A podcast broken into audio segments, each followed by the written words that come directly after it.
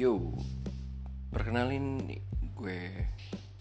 Boleh kalian panggil dengan sebutan Ati.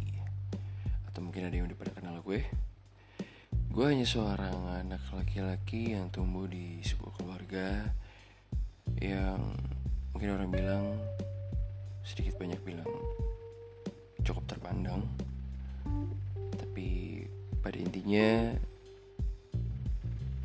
kasarnya nggak pengen gue pandang why? Karena semua hidup itu punya cerita pastinya. Dan ini semua tentang cerita hidup gue